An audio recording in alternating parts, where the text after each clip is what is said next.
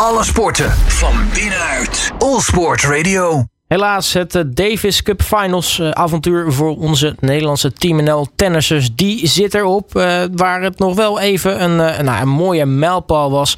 Waar wel een wedstrijd werd gewonnen op topniveau. Ja, eindigde uiteindelijk in 2 tegen 1 de kwartfinale. En daardoor gaat Italië door en is Nederland uitgeschakeld. Ik ga erop terugblikken met ja, Jon Visbeen, tennisjournalist. Jon, hele goede middag.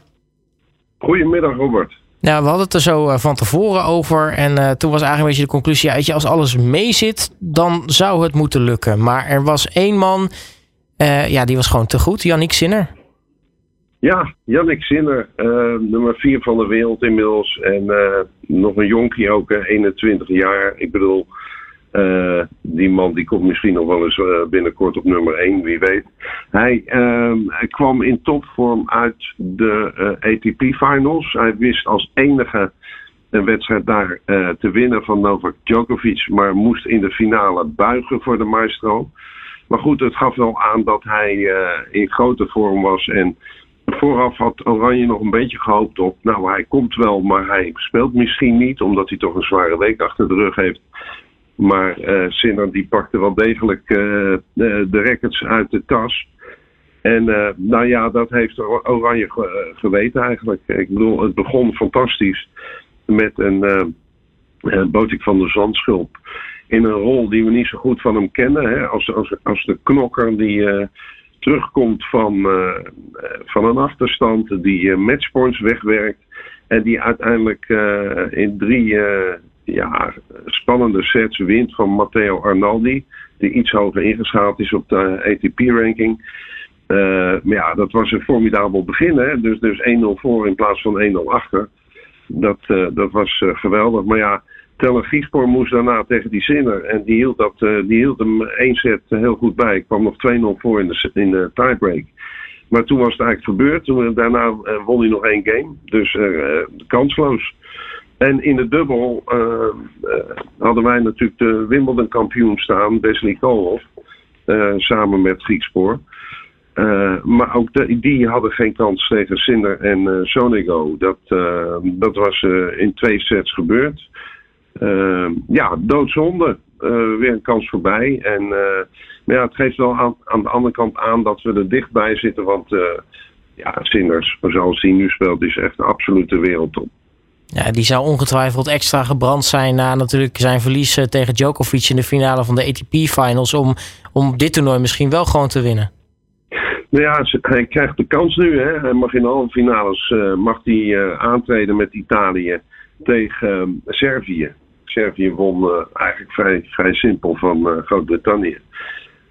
waar Murray moest afhaken met een blessure. Evans moest afhaken met een blessure. Ja, Uh, en met, met een, een, een, Djokovic in de gelederen is Servië uh, ja, uh, natuurlijk geen peulenschil. En dat hebben ze geweten. Dus ja, en ik denk ook eigenlijk dat de winnaar van die partij, eh, van die wedstrijd, dat die ook de Davis Cup gaat winnen. Ja, kun je aangeven hoe knap het is dat, dat, dat Sinner dit op de mat kan brengen na, na ja, vrij kort eigenlijk na die finale van de ATP Finals. Want nou, we weten, en de Grand Slam speel wel vaker wat, eh, wat meer potten achter elkaar in een kort tijdbestek. Maar ja, nu speel je natuurlijk een paar dagen na zo'n finale een enkel spel en een dubbelspel. Ja, eigenlijk, eigenlijk geldt het natuurlijk ook voor Djokovic. Hè? Die Djokovic had natuurlijk uh, feestend door het leven kunnen gaan nu. Ja. Uh, voor de zevende keer de ATP Finals gewonnen. En, en maar goed, op een of andere manier kunnen ze die knop dan omzetten en hebben ze toch iets van, nou ja, dit is misschien onze kans en mijn kans ook om een keer die Davis Cup te winnen. Uh, en, en dan, ja, dan, dan rapen ze zichzelf bij elkaar. Uh, vooral ook mentaal natuurlijk, maar ook fysiek.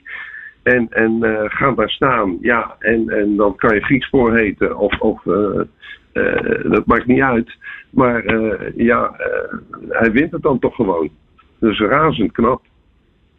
Want als we verder kijken naar uh, de, de Davis Cup Finals, uh, hoe ziet dat er tot nu toe uit, naar die kwartfinales? Nou ja, wat ik zeg, hè, dit is, de, deze kant van het schema is wel verreweg het sterkste met, met Servië en Italië. met de mannen in vorm, Djokovic en, en Sinner.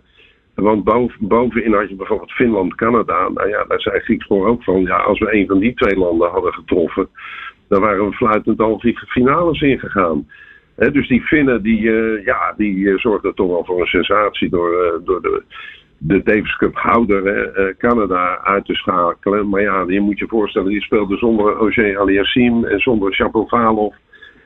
Dus daar kwam de oude Raonic, die werd nog een keer van stal gehaald. Die won maar een potje. Maar daar bleef het ook bij. en Australië kwam eigenlijk met de schrik vrij in ook geen echt hoogstaande wedstrijd. Ehm, waar de Minauer uh, een punt redde nadat hij een set en een break had achtergestaan. Dus, uh, en toen sloegen ze toe in de, in de, in de dubbel. Ja, daar had Oranje een hele goede kans tegen gehad, snap je? Dus het is ook, je moet ook een beetje, het moet ook een beetje meezitten, wil je een keer die Davis Cup winnen. Ja, dan had Nederland iets, iets anders kunnen doen. Want nee, ik zie dan wel wat kritieken voorbij komen. Zoals bijvoorbeeld uh, nou ja, Motwee Middelkoop die niet mee mocht naar, naar Malaga. Die toch ook al het hele seizoen Davis Cup heeft gespeeld. Uh, uh, nou ja, Royer als, als reserve was misschien op voorhand al een vreemde keuze. En het, had, had, had misschien Paul Haarhuis of Nederland iets, iets anders kunnen doen?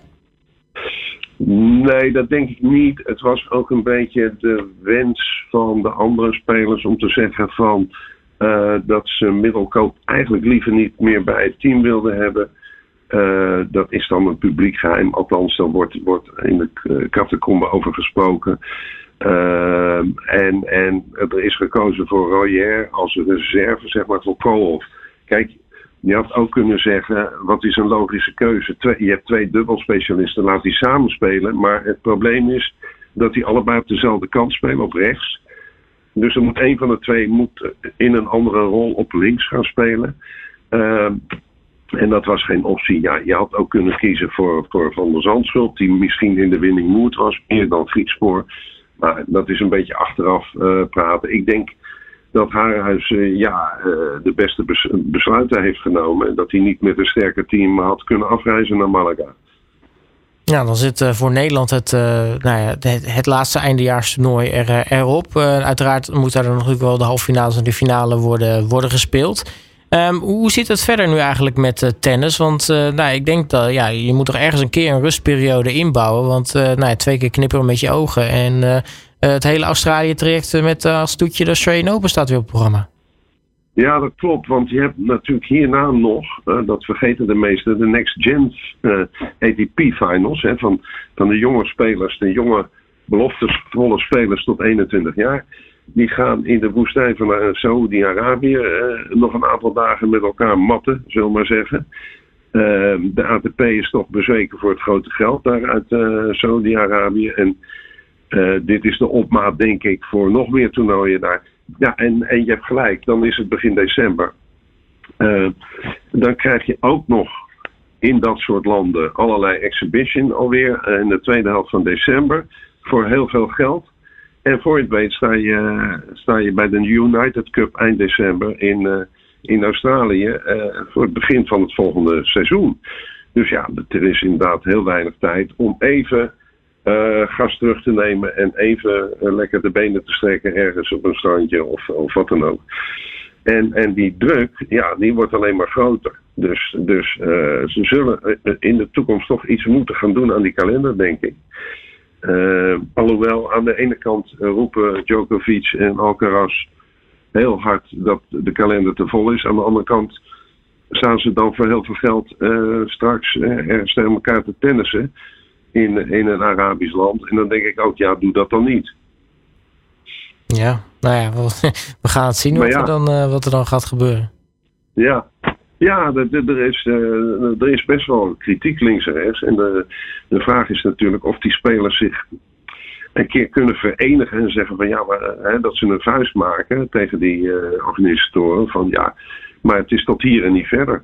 En het gaat niet zozeer om die toppers, hè, want die kunnen een uitgebalanceerd programma eh, maken. Eh, en, eh, maar het gaat vooral om spelers die ja, jagen op een plek in die top 100 en die week in week uit spelen. En die zijn, dat zie je ook, de laatste twee maanden van het jaar toch behoorlijk uitgeblust. Nou, dat, dat is allemaal zorg voor later natuurlijk. Wie weet wat daar nog aan gaat gebeuren. En Jon Visbeen mag ik je voor nu in ieder geval bedanken. En we spreken je natuurlijk snel weer. Oké Robert, graag gedaan. Alle sporten van binnenuit. All Sport Radio.